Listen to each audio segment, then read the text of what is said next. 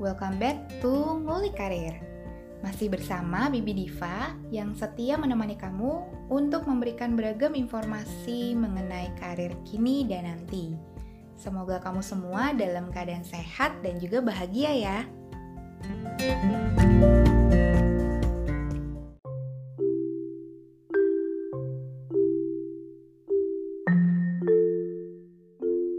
Di episode ke-19 ini, Bibi mau membahas mengenai situs jejaring untuk melamar. Eh, sebentar. Maksudnya untuk melamar pekerjaan ya. Jadi kalau mau flashback hmm, di 10 atau 15 tahun lalu mungkin ya. Kalau cari pekerjaan itu kan mungkin masih ada yang mengirim lamaran lewat pos atau datengin perusahaannya langsung ngasih CV atau bisa juga ngasih CV fisik ke teman atau kenalan gitu. Kalau sekarang dengan berkembangnya teknologi itu memungkinkan kita melamar dengan mengirim CV secara digital. Baik itu langsung ke email perusahaan atau melalui berbagai platform pencari kerja.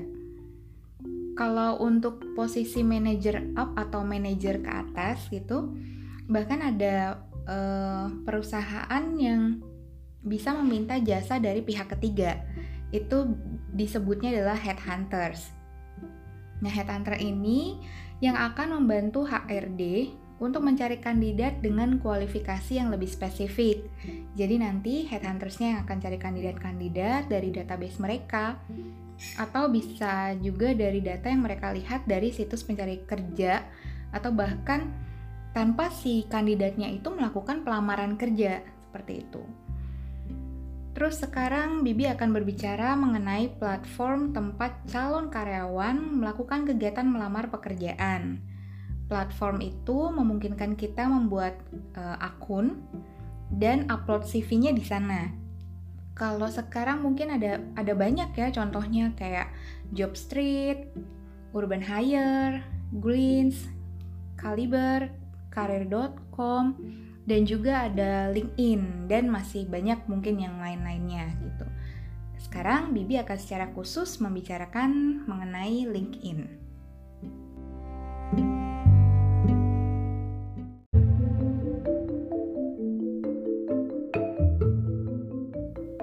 LinkedIn ini adalah situs jejaring profesional yang terbesar di dunia.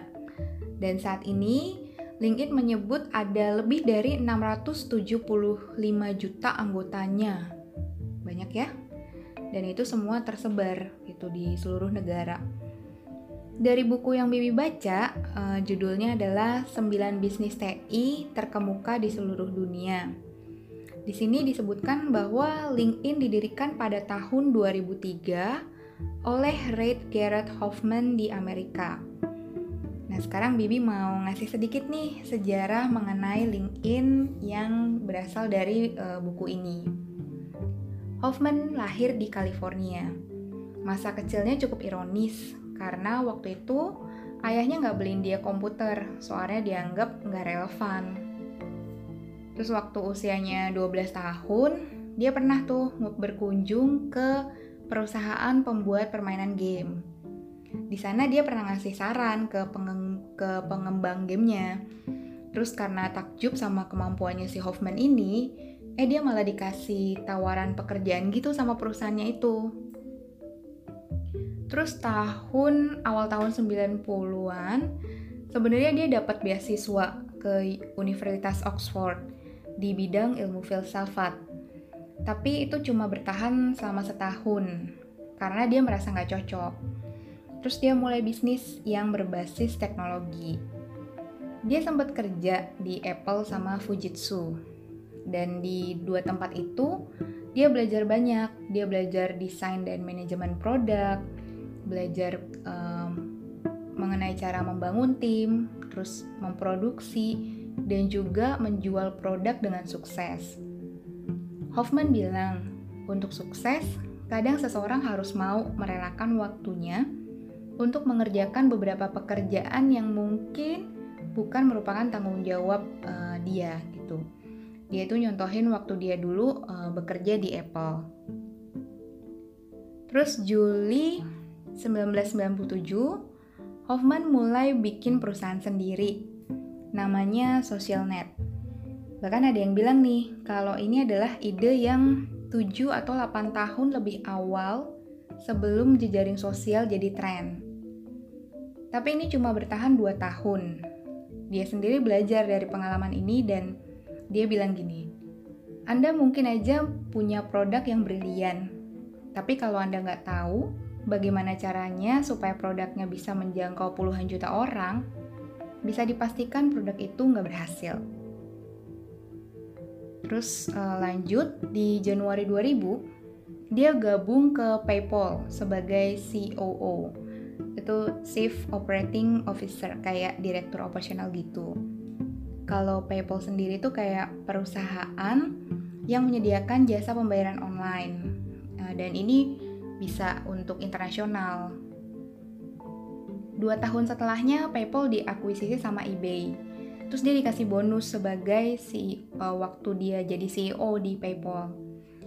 Terus uh, dari bonus ini, tiga bulan setelahnya, dia mulai bisnis online.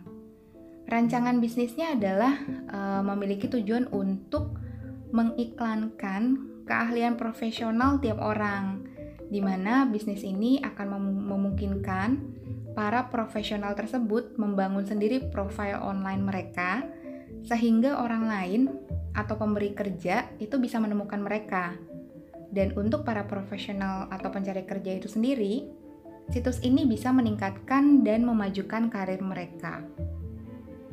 Setelah punya tujuan itu, dia mulai tuh membangun tim.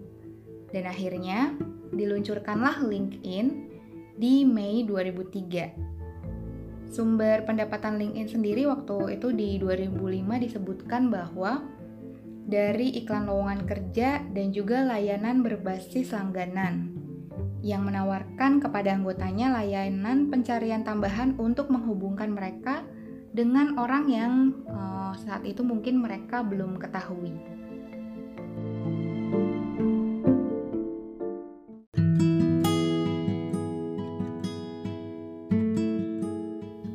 Jadi beda LinkedIn sama situs pencari kerja lainnya adalah di LinkedIn ini tuh sebenarnya kayak media sosial gitu. Kita bisa uh, koneksi dengan orang-orang yang ada di dalamnya gitu. Kita bisa interaksi dengan mereka.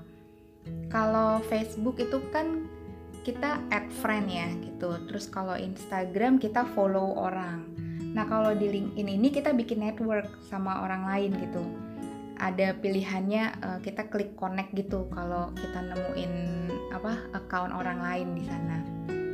Terus di account kita itu ada juga namanya fitur rekomendasi yang bisa diisi sama teman atau atasan eh, orang lain mengenai keahlian kita gitu. Jadi ini bisa jadi nilai plus saat perekrut lihat account kita.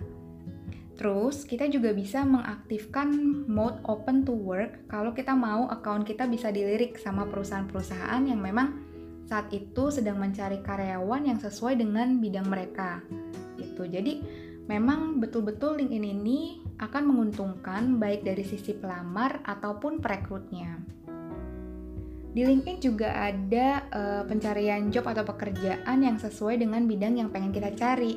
Jadi nanti kita tinggal klik ada klik di search itu uh, tentang apa pun bidang pekerjaan, terus nanti akan muncul tuh perusahaan-perusahaan yang membuat informasi atau iklan mengenai lowongan kerja tersebut gitu. Perekrutan atau pencarian pekerjaan secara online ini memang uh, bisa dilihat itu menguntungkan ya. Kalau yang sebelumnya kita harus uh, print CV kita, kalau sekarang kan nggak uh, perlu jadi paperless.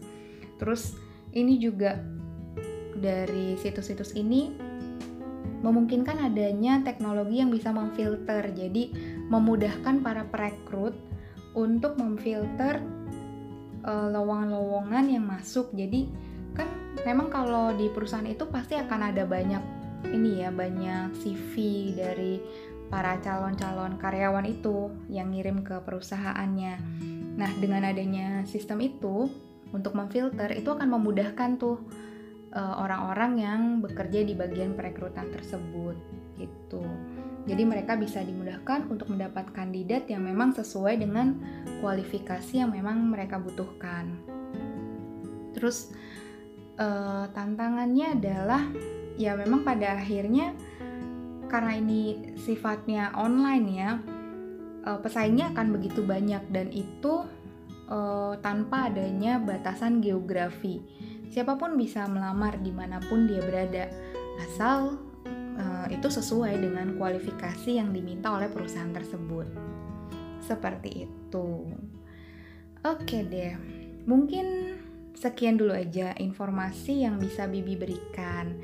Informasi lainnya, coba kalian kulik lebih jauh lagi, lebih dalam lagi mengenai situs situs-situs pencari kerja tersebut dan Bibi semakin bertanya-tanya sih nanti kira-kira 5 atau 10 tahun lagi perusahaan akan merekrut orang dengan cara apa ya? Hmm. Oke deh, semoga ada manfaatnya ya yang kamu bisa dapatkan dari episode ini. Sekian dulu untuk episode ke-19 Ngulik Karir. Sampai jumpa di episode selanjutnya.